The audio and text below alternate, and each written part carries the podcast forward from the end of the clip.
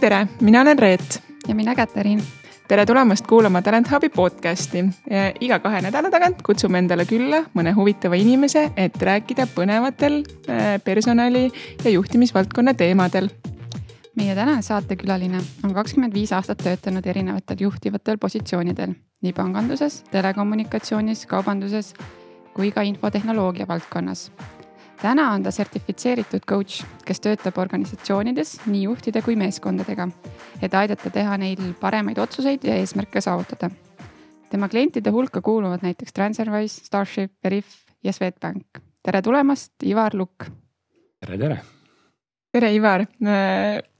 Proovime täna nii-öelda kaardid pöörata, et kui sa oled harjunud tavaliselt ise olema küsija rollis ja võib-olla vähem rääkida, siis äh, täna proovime me sinult rohkem infot kätte saada, kui, kui ise rääkida.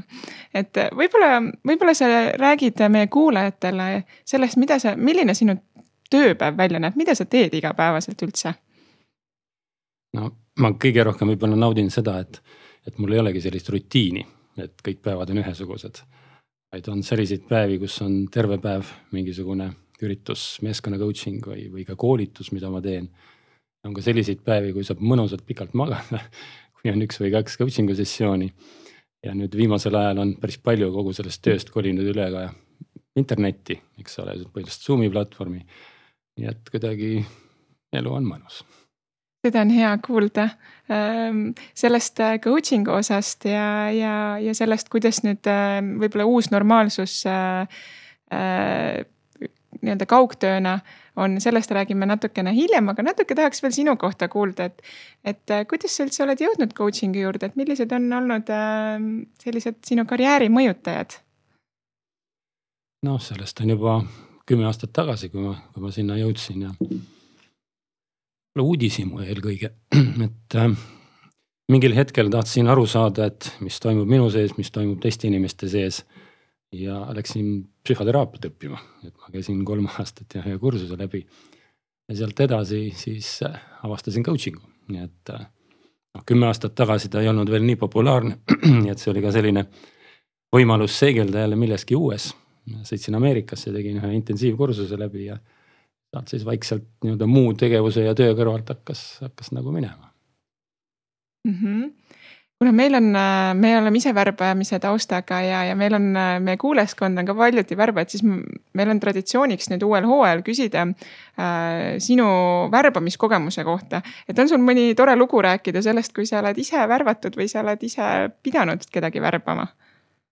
noh, võib-olla kõige meeldejääv, meeldejäävam lugu oli juba palju aastaid tagasi. et kuidas ma Tele2 sattusin. ja oli niimoodi, et käisin Rene Bushi juures äh, tennist õppimas. ja üks päev ta ütles, et, et kuule, et, et siin üks mees käib veel, et äkki mängite omavahel. okei, mängime.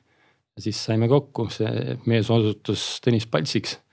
ja siis mängisime temaga korduvalt ükskord riietusruumis ütleb, et kuule, meil on siin üks firma, et äh, mis on, et äkki, äkki tunned huvi?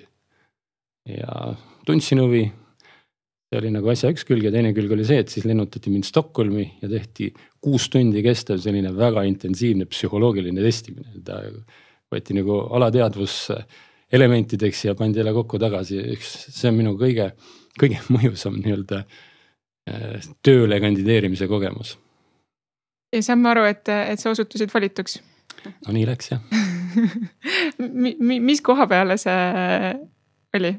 no see oli selle ettevõtte juhi koha peale. juhi koht mm, -hmm. väga, väga uhke tenniseväljakult äh, siis ettevõtte tegevjuhiks no see ei ole nii haruldane, et yeah., et niimoodi suhtlusest pakutakse kohta, aga, aga see vahepealne lend ja see kuus tundi, see oli ikka karm ütleme niimoodi kuidas see täpsemalt see intervjueerimine ja kõik siis välja nägi, et? pulkadeks lahti võtmine noh, jah, see oli üks korter Stockholmi kesklinnas, seal oli üks vanem daam, psühholoog ja seal olid kõikvõimalikud masinad, kuhu oli vaja sisse vaadata, midagi lahendada kiiresti, arvuti tolleaegne.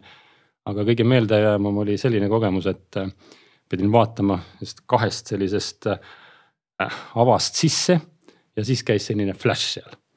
ja selle peale ta küsis, et mida sa nägid seal.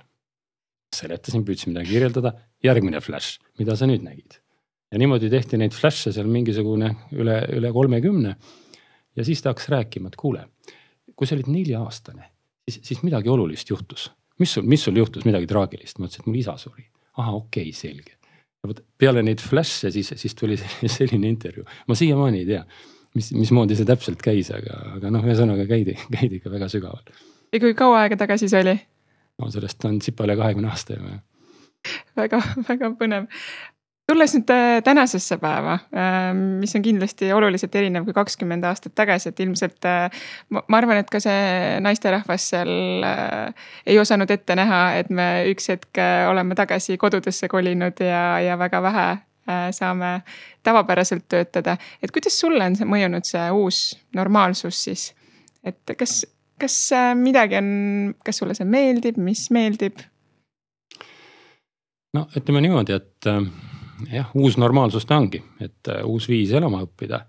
aga ma ütleks, et minu jaoks on seal rohkem positiivset kui negatiivset et mis läheb kaduma, on see, et kui eh, grupiga tööd teha või meeskonnaga tööd teha, sa oled ühes ruumis, siis, siis sa tunnetad palju rohkem, eks ole. aga võtame üks-ühele coaching'u näiteks, ei ole mingit vahet väga,. väga-väga hästi saab üle video, videosilla ja isegi pilti ei ole vaja. nii et ma olen päris palju coach inud ka niimoodi, et telefon, klapid pähe ja, ja kõnnin, kõnnin ringi ja sa kuuled häälest tegelikult nii palju nüansse ära, et, et see toimib. nii et tegelikult jah, see, see annab päris palju võimalusi ja, ja ikkagi mugav elu. et äh, ma ühel hetkel tahaks jõuda nii kaugele, et, et mul kogu töö ongi selline, et asukohast sõltumatu. et positiivne. ja tegelikult sa oled ju varasemalt ka ikkagi teinud äh, selliseid veebipõhiseid coaching uid äh, gruppidele ka, et, et noh, päris uus ilmselt sinu jaoks ei olnud, et nüüd, nüüd pidi kõike nagu nullist muutma, et isegi ma mäletan, et et Starshipi ajal, et, et sai tehtud äh, globaalsele tiimile coaching'u sessioone üle Zoom'i, et see oli nüüd siis paar aastat tagasi. jah, nii oli. et pigem tänane olukord toetab äh, juba sinu välja töötatud mudelit.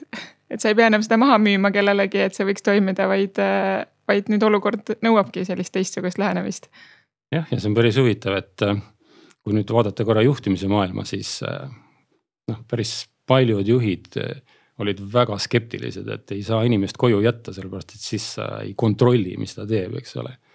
ja nüüd, kui koroona pani, pani kõik koju, siis tegelikult noh, tegelikult kogu maailm muutus. ja väga kiiresti käis, käis see nii-öelda klõps ära, nii et mm. -hmm. enne kui me läheme nüüd rohkem teemasse sisse ähm,. kas on midagi, mida me sinu CV-st välja ei, ei loe? no ütleme nii, et CV on tegelikult faktijada ja sealt, sealt ei loe kunagi inimest välja, see, kes ta tegelikult on, et äh, oma selliselt energeetikalt ja toimimiselt ja, ja inspireerimisvõimelt ja need, need asjad, et seda, seda ta ei loe sealt välja kes siis, kes siis, kes siis sa oled, et, et räägi meile natukene võib-olla lähemalt, et, et Reet ka ennem tutvustas, et ennem sina muugid nagu nii-öelda natuke inimesi lahti, et siis me nüüd proovime natuke sind ka. Hmm noh, jällegi, et mis siin sõnadesse panna, et muugid inimesi lahti, pigem nagu see, et, et inimesel on vaja sellist eh, head keskkonda, head õhkkonda. Et eh, mitte ei muugi lahti, vaid, vaid, vaid lood nagu sellise olukorra, kus, kus ta tunneb ennast hästi, tunneb vabalt. ja siin aitab ka see, et, et kui räägid endast midagi, näitad, et oled ise nii-öelda teed vigu, komistad, kukud vahetevahel ja, ja siis inimene samastub ja sellisel kombel see, see on pigem nagu, nagu kutse et tule, tule räägime, oleme vabalt, oleme inimesed. ei ole täiuslikud, eks ole, nii et äh, midagi sellist mm. -hmm. Aga lähme nüüd siis äh, edasi ka coaching'u juurde ja, ja võib-olla siit üleminekuks küsin, et, et äh, siiski, kui sa nüüd siin kümme aastat, äh, kümme pluss aastat tagasi äh, hakkasid nagu coaching'u peale mõtlema või, või hakkasid sinna sisenema vaikselt, ütleme sellesse maailma. et kas sul olid nagu mingid eeldused juba olemas ka oma varases juhtimisstiilis, mis, mis nüüd aitasid juba sul coaching ut paremini praktiseerida või sa juba natukene alateadlikult tegid seda? ma ei tea, siin võib-olla läheks hoopis kaugele tagasi, et äh, ma ei ole tegelikult kunagi lastega kodutöid teinud mul teine pool oli isegi, isegi nagu aeg-ajalt heitis seda ette.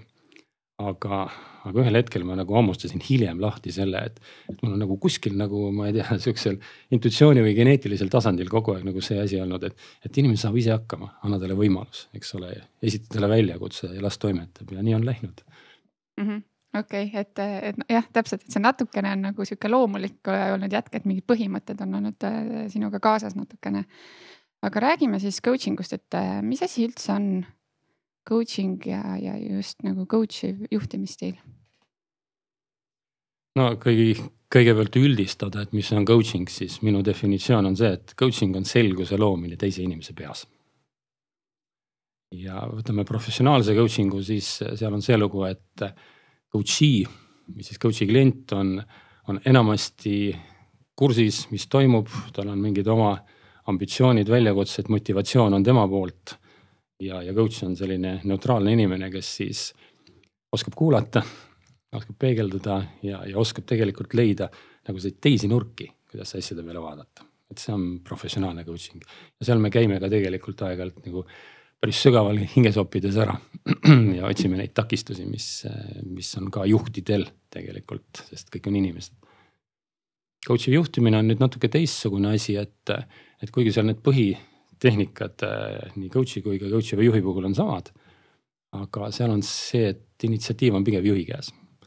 Juht soovib tegelikult, et, et tema juhitavad inimesed äh, võtaks rohkem initsiatiivi, usuks rohkem endasse, areneks, tahaks areneda. ja siis sellisel kombel seda ei pea tegema niimoodi, et, et istume nüüd maha, ma hakkan sind nüüd coach ima. alles ma kuulsin eile sellist asja, et, et oh, mul juht käis coaching'u koolitusel ja tuli ja ütles, et teeme nüüd coach ime. et mul, mul tekkis kohe protest selle peale.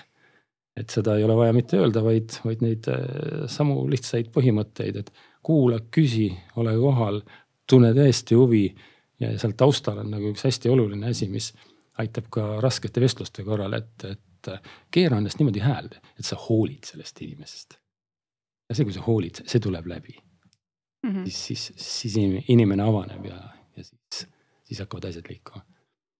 kas äh, coaching ule ja, ja coach'ile on mingisugune hea eestikeelne vaste ka olemas, et äh, või peabki kasutama neid ingliskeelseid väljendeid? Sellega on lõbus lugu, et mõned aastad tagasi Eesti International Coach Federationi rakukene otsustas, et tuleb asi ära eestindada ja tehti konkurss, kaks kuud, üle neljakümne ettepaneku. ja ma olin ka sellel koosolekul, kui siis seda, seda nii-öelda võitjat välja kuulutati, nii-öelda võitjaks sõnaks sai coach ja coaching mm. -hmm. siis isegi inimesed otsustasid eh, proovida seda rakendada, aga kui aasta hiljem see sai Eestis nii-öelda ametlikult kole sõna tiitli, aasta kole sõna tiitli, siis, siis selle peale ta suri välja, nii et et ei see, ole. see natuke kõlab küll sellisena, et see on nagu, kui sa inglise keeles ei oska coach nagu hääldada, siis sa ütled coach lihtsalt. ja need on need Eesti uued sõnad, et, et mõned lähevad natuke rohkem lendama, mõned ei tule kaasa eriti, et. et okei okay,, jääme siis ikkagi meie ka siin saates coaching'u juurde. aga mm, räägime siis äh, veel detailsemalt, et, äh, et miks üldse siis coaching ut äh, peaks kasutama, et mida see siis juhile, juhile annab ja, ja tiimile ka on üks päris huvitav uuring, mida tehti Inglismaal. ja küsitleti just coach ivaid juhte, et, et kes süsteemselt niimoodi kasutavad selliseid coach ivaid vestlusi ja. ja siis kaks väga sisukat detaili, mis sealt välja tuli, mida ma ka koolitustel räägin, on see, et esiteks, kui töötaja tuleb mingisugusele järeldusele või otsusele ise niimoodi läbi küsimuste, siis tema motivatsioon need asjad ära teha on kuni neli korda suurem. see on niisugune motivatsioonilaks. ja teine huvitav asi oli see, et, et juhid, kes süsteemselt kasutavad seda, siis ütlesid, et see aitab neil aega kokku hoida. isegi parematel juhtudel kuni viiskümmend protsenti. Ehk siis aeg vabaneb sellest äh, pisiasjadega uksest ja aknast sisse lendava sellise räbuga tegelemisest, sest inimesed saavad sellega ise hakkama ja sa, sa teed tegelikult neid asju, mida, mida sina suudad oma positsioonilt. nii et need, need on kaks põhilist põhjust, miks coach'i juhtimine. hästi huvitav on see, et äh, hästi paljude juhtidega, kellega meie kokku puutume ka on et, et coaching tundub huvitav, aga, aga lihtsam on vastuseid ette anda, et Mhm. tundub, et, et siis see, et kui ma hakkan nüüd küsima, noh, me teeme ka HR personali konsultatsiooni, et kui ma hakkan ise küsima inimeselt, et ta ei saa aru ja siis pool tundi ta seal mõtleb nii ja naapidi, et ma ütlen talle kohe ära lahenduse ja siis ta teab, mida ta tegema peab, et, et see on hästi huvitav, et sa just selle poole välja tõid. no on üks huvitav koht veel. mõned aastad tagasi mul oli Lätis üks projekt ühe juhiga. ja kui siis ka süvenesime coach ivasse juhtimisse, siis ühel hetkel ta ütles, et kuule, ma saan aru küll, mis sa räägid, aga kui ma niimoodi hakkan ainult küsimusi küsima, siis mu töötajad mõtlevad, et ma ei tea ja mis mu autoriteedist saab. Mm -hmm. et ma paistan rumal välja, et ma ei nii. oskagi vastata et on ka selliseid muresid. jah, et nüüd on küsimus, mis selle juhi roll siis seal äh, tiimis on. aga mis on need olukorrad, kus võiks äh, üldse hakata coaching'u peale mõtlema? Noh, neid olukordi on päris palju ja eelkõige need, kus sa tahad, et inimesed nii-öelda võtaksid initsiatiivi, teeksid ise asjad, kus ilmtingimata ei pea sina juhina olema kaasas, eks ole, mille sa julged lahti lasta.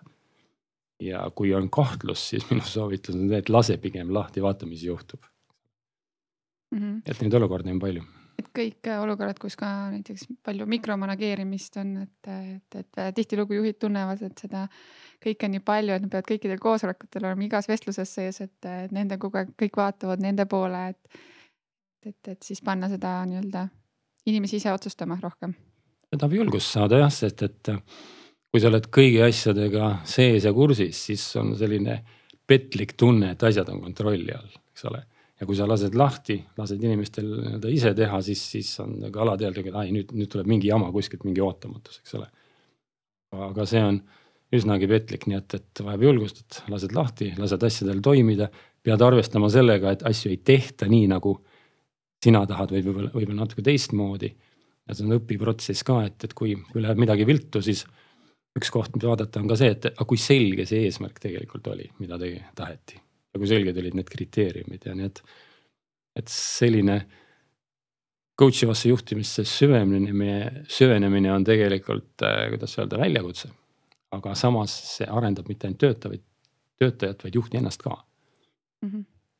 Ivar, sa enne tõid, ütlesid väga ilusasti, et, et see aitab töötajatele motivatsiooni neli korda äh, tõsta ja teistpidi võib hoida kuni viiskümmend protsenti juhi aega kokku mm. -hmm. ehk mulle tundub, et ju selline coach iv juhtimisstiil peaks olema juba selline nagu by default nagu, et see ongi nagu ainuke viis, kuidas läheneda, et siin ei olegi küsimust, et kas või kellele või üldse, et, et kõik peaksid seda rakendama no vaata, tegelikult on niimoodi, et, et seda ei saa ka nagu üle võimendada. päris hea asi on, Daniel Goleman on kirjutanud raamatu Primal Leadership, kus ta toob välja kuus erinevat juhtimisstiili. ja väidab seda, et hea juht on see, kes valdab sellest kuuest vähemalt nelja. Coaching on üks nendest. nii et kui sa hommikust õhtuni hakkad ainult coach ima, siis, siis sa ei jõua kaugele. on ka selliseid kriisiolukordi, mis vajavad kiiret otsustamist. või kui sul tuleb uus inimene tööle ja siis sa hakkad teda coach ima, et mismoodi seda tööd ikka võiks teha. kuna ta, ta ei ole kunagi sellega kokku puutunud, eks ole. nii et äh, see on see koht, kus on vaja hoopis mentorlust, kus on vaja ka koolitust, erinevaid asju, nii et. Väga hea, et, et sa selle välja tõid, sest muidu tõesti sellest coaching ust ja coach imisest räägitakse selline, nii palju. selline tunne, et igalühel on oma coach ja see nagu lahendab kõik maailma probleemid ära, aga tegelikult nagu sa just ütlesid, et. et kuuest vähemalt neli ja coaching on üks nendest, et tegelikult see maksimaalselt on siis, ma ei tea, kas ta just proportsionaalselt jaguneb, aga on kakskümmend viis protsenti, mis sind aitab, et mm. -hmm, just mm.. Aga nüüd, kui ikkagi mõni meie kuulajatest mõtleb, et äh, tahaks nüüd hakata siis coach ivat juhtimisstiili rakendama, et millest ta peaks alustama? no kõigepealt on ikka see lugu, et, et coaching põhineb äh, sellistele baas oskustele või baastehnikatele, millest kõige fundamentaalsem on kuulamisoskus, õpi kuulama.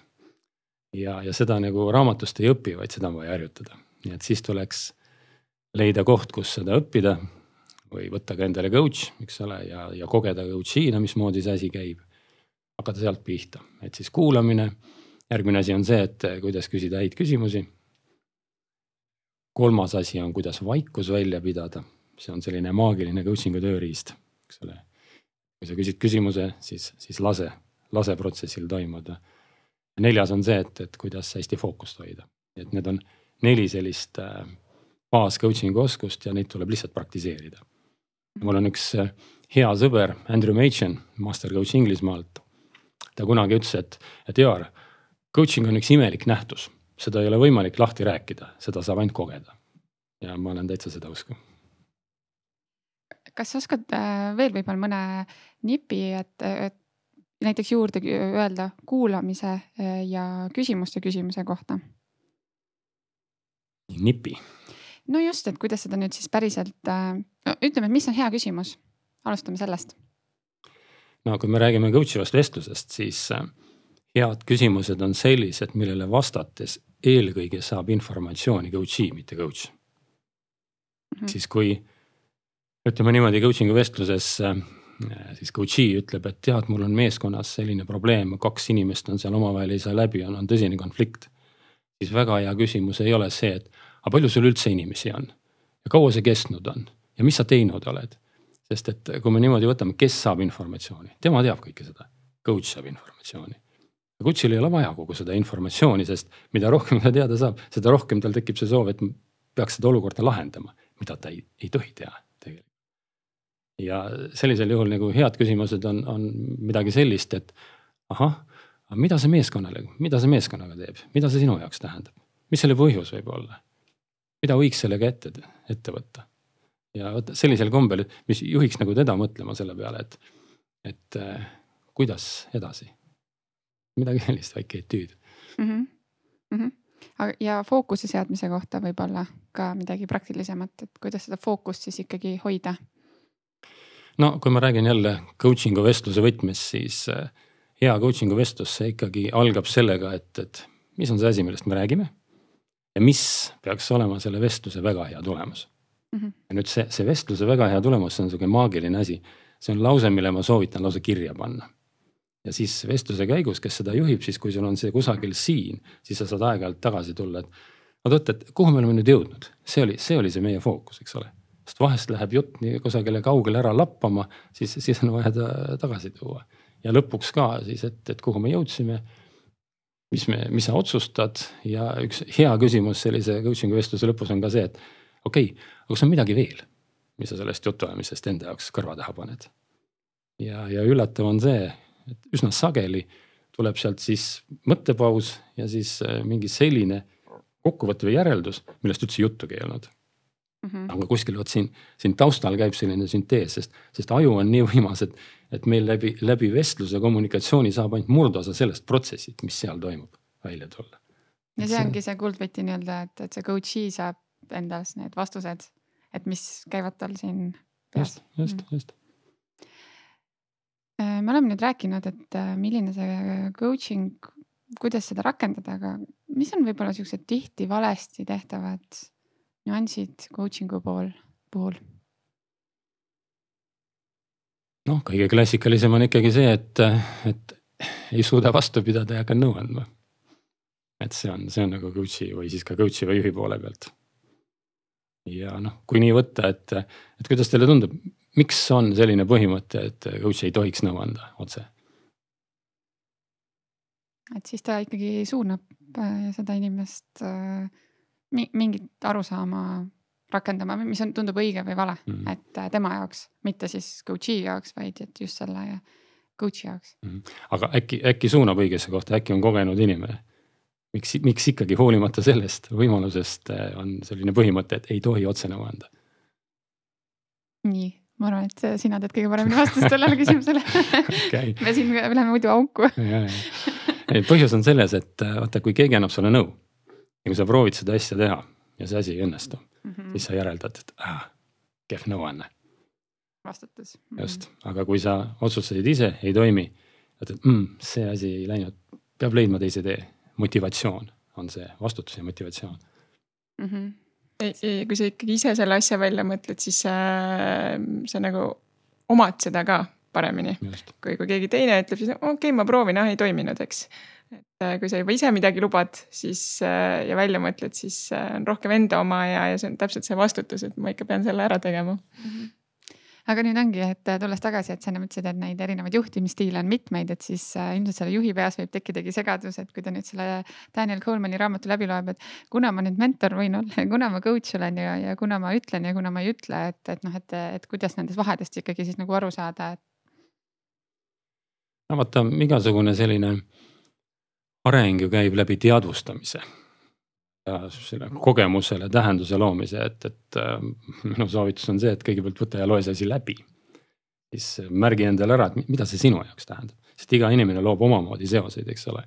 ja siis sealt edasi on järgmine samm, et okei okay,, aga võtame mingi situatsiooni, näiteks õhtul, tänane päev. mis olukorrad olid? ja mis ma siis tegin? Ja kui ma tegin seda intuitiivselt kogemuse baasilt, et, et kui ma nüüd püüan nagu panna selle tausta siia, need kuus stiili, mis stiili ma kasutasin, kuidas see toimis? vot sellisel kombel nagu hakkavad, hakkavad need seosed tekkima ja noh, iseenesest on see ka päris hea teema, mida nii-öelda coach'iga arutada mm. -hmm. siis sealt sa saad tagasipeegeldust ja võib-olla ka mingeid küsimusi ja, ja kahlemapanekuid, ütleme nii mm. -hmm. jälle head, head mõtted. Aga küsiks siia veel juurde, et on sul olnud mingisugune mm, väga meeldejääv olukord, kus äh, keegi on coach imissessioonide käigus või, või üldse praktiseerides coaching ut nüüd siis väga drastiliselt muutunud, et sa oled näinud ise ka, et ossa. on äge. noh, võib-olla, mis tuleb pähe kaks asja näiteks, et üks on niisugune suhteliselt lihtne ja kiire, et äh, ühe startup ettevõtte juhtkonna liige kelle probleem oli suur ületöötamine, et kuidas kolme sessiooniga ta, ta tegelikult leidis, leidis üles just selle julguse nii-öelda lahta, lasta lahti.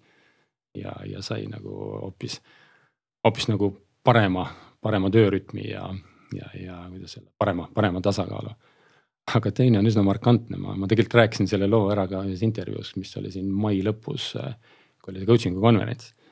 ja minu jaoks oli see kõva, kõva nii-öelda õppimine, et et äh, coaching'u efekti ei pruugi kohe nagu tekkida, vaid see võib tulla natuke hiljem. mul oli üks äh, päris põnev projekt, äh, see oli Venemaal tegelikult ühe suure rahvusvahelise ettevõtte Venemaa ja SRÜ tegevjuht. ja temaga see probleem oli see, et meeskond ei toimi. ja siis ma sattusin sinna teda coach ima, poole aasta jooksul tegime päris palju sessioone hästi palju põnevat käisime läbi, noh inimene nagu oli, oli täie energiaga ja avastas ahhaasid oli järjest. ja kui see siis seeria lõppes ära, siis nagu kombeks on, küsisin nii-öelda tema lähematelt, tema juhilt, töötajatelt ja, ja horisontaalis, et, et kuidas on, mis muutused on. ja sain sealt sellise vastuse, et midagi ei ole muutunud, sama värk.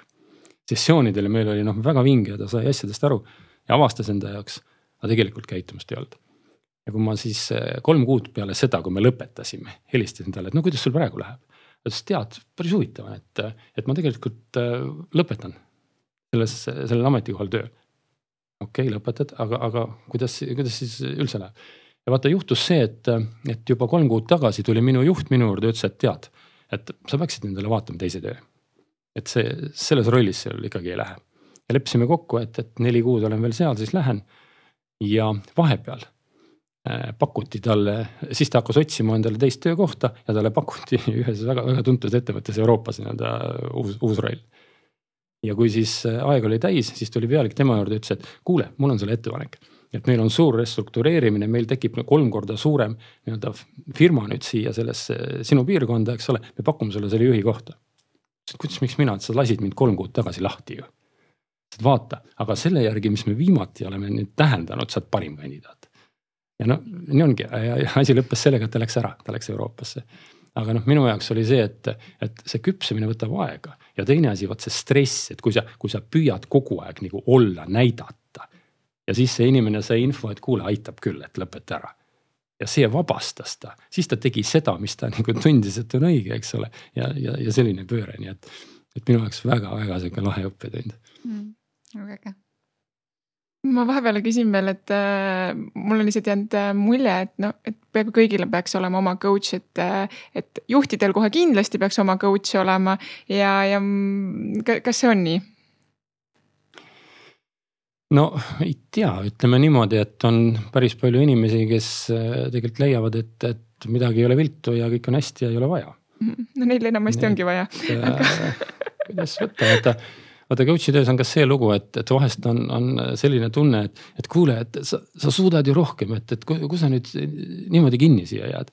aga vot igal inimesel on oma tempo ja see ei ole see koht, kus survestada, vaid, vaid pigem nagu ikkagi jälle see, see kutse ja tõmme ja, ja, ja lased protsessil juhtuda, nii et, et sugugi kõigil, kõigil mitte ma saan aru, et sa oled tegutsenud kümme aastat juba selles valdkonnas, et sul on kindlasti väga palju kliente olnud, aga kui palju sul täna on nagu ühel perioodil on kliente?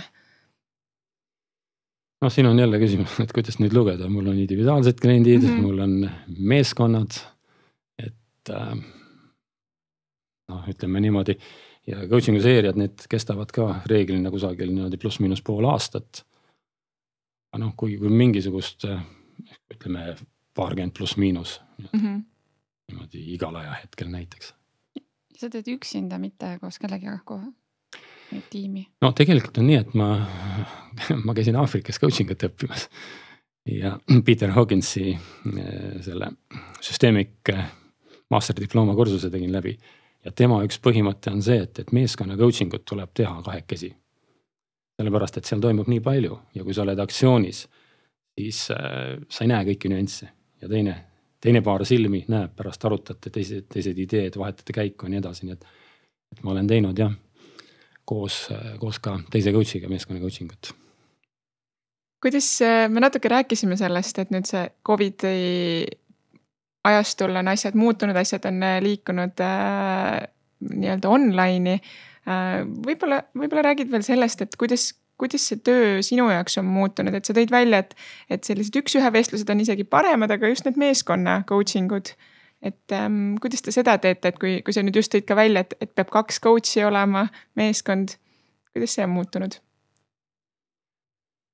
Äh, meeskonna coaching ut saab teha päris hästi niimoodi üle, üle video, lihtsalt peab olema hea platvorm. mina olen Zoom'i fänn ja noh, eile ma tegin ja üle, eile ma tegin siin äh, sellist koolitussessioone ka üle Teamsi, saime ka hakkama. ja seal on nagu põhiline see, et, et inimesi tuleb julgustada, nii-öelda ka emotsioonid välja tuua ja tegelikult äh, virtuaalses keskkonnas, kuna meil ei ole seda otsest nagu ruumis seda kontakti, siis tuleb tegelikult seda emotsionaalset poolt üle võimendada. teha, teha rohkem selliseid asju, selliseid protsesse, selliseid äh, nii-öelda emotsioonide vahetamisi ja, ja tegelikult inimestel, vot kuna, kuna inimesel see kuuluvustunne ja see, see janunemine emotsioonide järgi on, on nii suur, siis nad äh, tegelikult tulevad sellega kaasa. aga kui sa, siin on pigem nagu sihuke mentaalne plokk, et ah, ekraan ja siit läbi ei saa ja nii edasi. aga võtame teistpidi, et ähm, kui me käime kinos, siis me ju vaatame läbi ekraani, eks ole, või, või oma arvutist, eks ole, ja kui palju emotsiooni sa sealt saad see kõik on olemas, lihtsalt see on, see on natuke nagu sihukene skepsis või, või, või, või, või harjumatus võib-olla mingeid nippe, äh, kellel on nüüd hästi palju sellist äh, online'is äh, tööd, et mida, mida saaks teha, kuidas avada, kuidas, kuidas sellest üle olla? noh, ütleme, mis on soovitav teha, ongi keskenduda emotsioonide peale ehk teha selliseid nii-öelda lühikesi üritusi mis põhinevad puhtalt sotsiaalsel suhtlusel. näiteks tehakse siin ühiseid hommikusööke või lõunasööke, kus on üks kindel reegel, mitte sõnagi tööst, kõike muud, eks ole. või siis eh, ühe inimesega just rääkisin, ta ütles, et ah, meil on need, need reede eh, tiimi pärastlõunad, et pärastlõunapeod, et eh, kes võtab džinn-tooniku ja kes, kes võtab nagu õlled ja nii edasi ja siis, siis oleme lihtsalt mõnusalt et noh, ülevõimendamine ka selles mõttes, et kontorist ei tee seda, eks ole. aga, aga seal ekraani taga siis noh, igast asja tehakse või, või keegi tegi seal jalgrattavõistluse nii-öelda. igaüks nagu väntas omaette ja siis, siis nagu võrreldi tulemust ja ütleme, inimesed on leidlikud tegelikult. kas ähm, kas on, üks asi on see, et, et me oleme videopilti liikunud, aga kas coaching on äkki liikunud ka kirjalikuks üldse? no vaata, see on selline lugu, et äh, ikkagi päris palju suhtluses inimeste vahel ja, ja kui sa aitad kellelgi selgust saada, on äh, nii-öelda nüanssidel, sellel kontekstil, emotsioonidel. ja kui me nüüd paneme midagi kirja, siis on ju välja uuritud, et et, et verbaalne sõnum ilma audiota, ilma hääletoonita, ilma kehakeele ja pildita on ainult seitse protsenti. Ehk siis, kui me selle seitsme protsendi pealt üritame siis nii-öelda selgust saada ja coach ida, siis, siis äh, väga sügavalt kahtlen. pigem siis ei, ei ole liikunud ja ei liigu ka. on tegelikult üks viis ja ma avastasin selle suht hiljuti, see on, see on enese coaching mm.. ehk siis äh, ma olen iseennast coach inud niimoodi. ehk siis mingisugune sihuke emotsionaalselt äh, natukene keeruline olukord. ja siis ma lihtsalt istun maha, võtan arvuti ja siis kehastun coach'iks ja esitan nendele küsimuse. ma mõtlen natukene, vastan sellele. ma esitan uue küsimuse, vastan, et ma, ma nagu käin nagu kahe rolli vahet ja, ja tegelikult see toimib maru hästi. kahekümne minutiga väga palju selgust aga kui ma praegu mõtlen selle küsimuse peale, siis, siis ma saan iseendaga kirjutada, sest ma olen oma emotsiooni sees. see ei kao ära.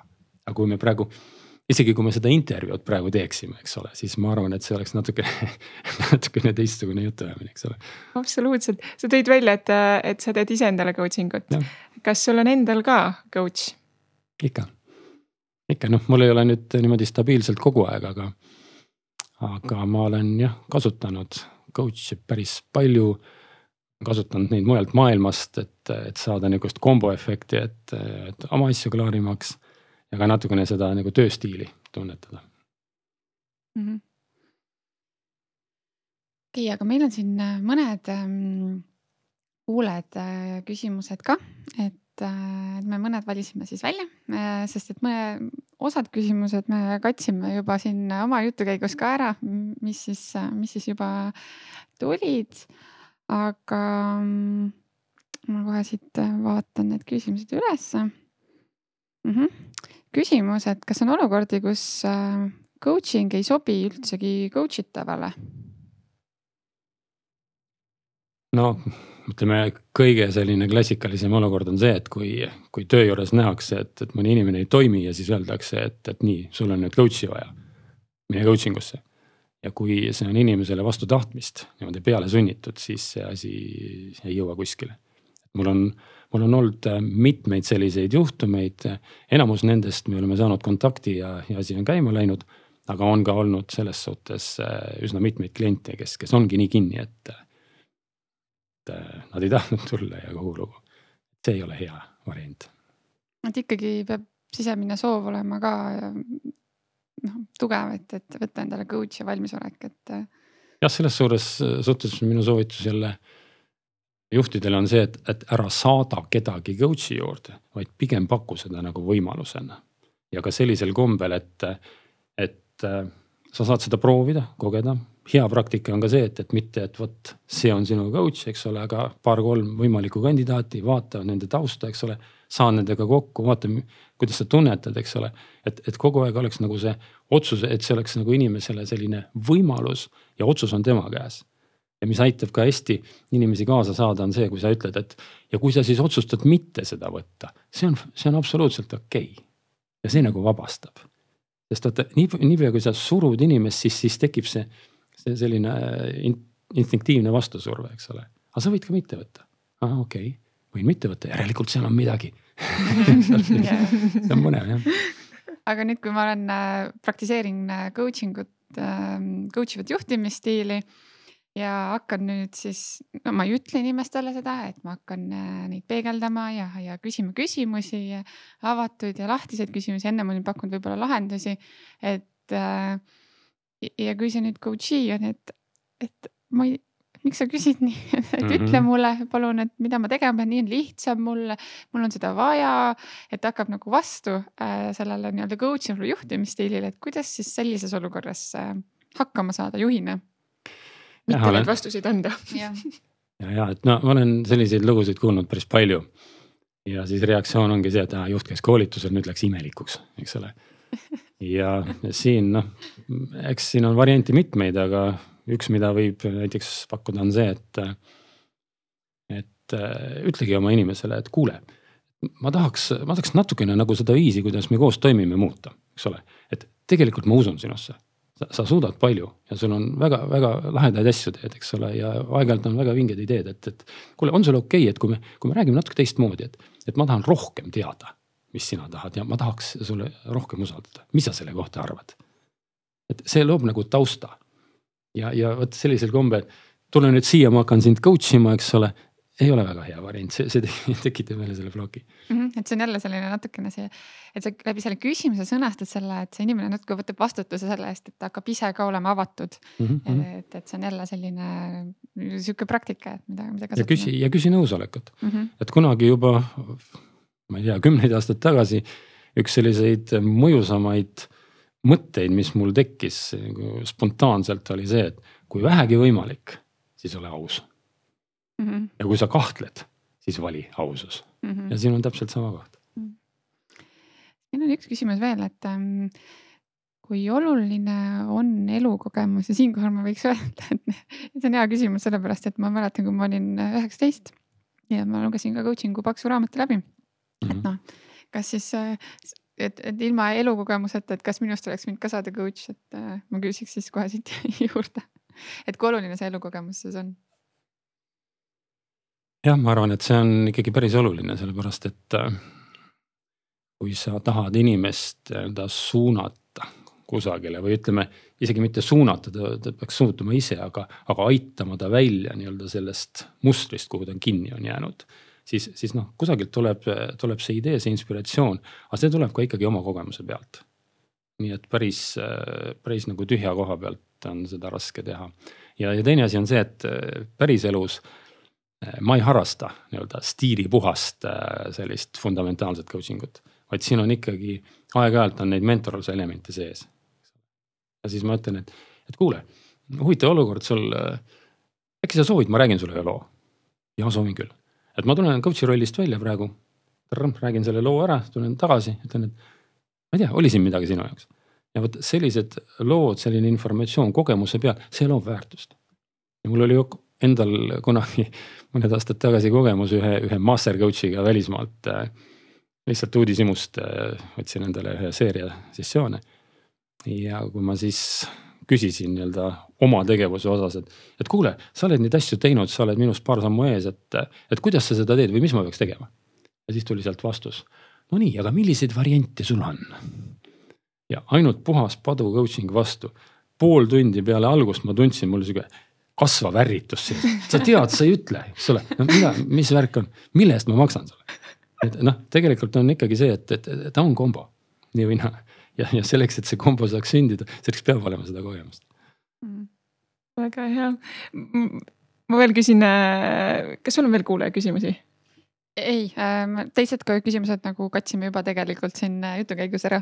okei okay., mul tekkiski küsimus äh, endal nüüd äh, selle taustal, et on sul selliseid momente olnud, kus sa tunned, et, et, et, et sinu nii-öelda coach itaval ei olegi, noh, tal ei tule seda vastust, sa nagu proovidki pool tundi ühtepidi, teistpidi, tema ootab võib-olla sinult vastust, aga sinul ka tegelikult ei ole selle, et, et ongi sihuke lahendamatu olukord või lahendamatuid olukordi pole olemas no ütleme niimoodi, et kui õhkkond on nagu piisavalt hea ja see inimene ei ole pinges, siis, siis äh, inimese sees on päris palju seda informatsiooni.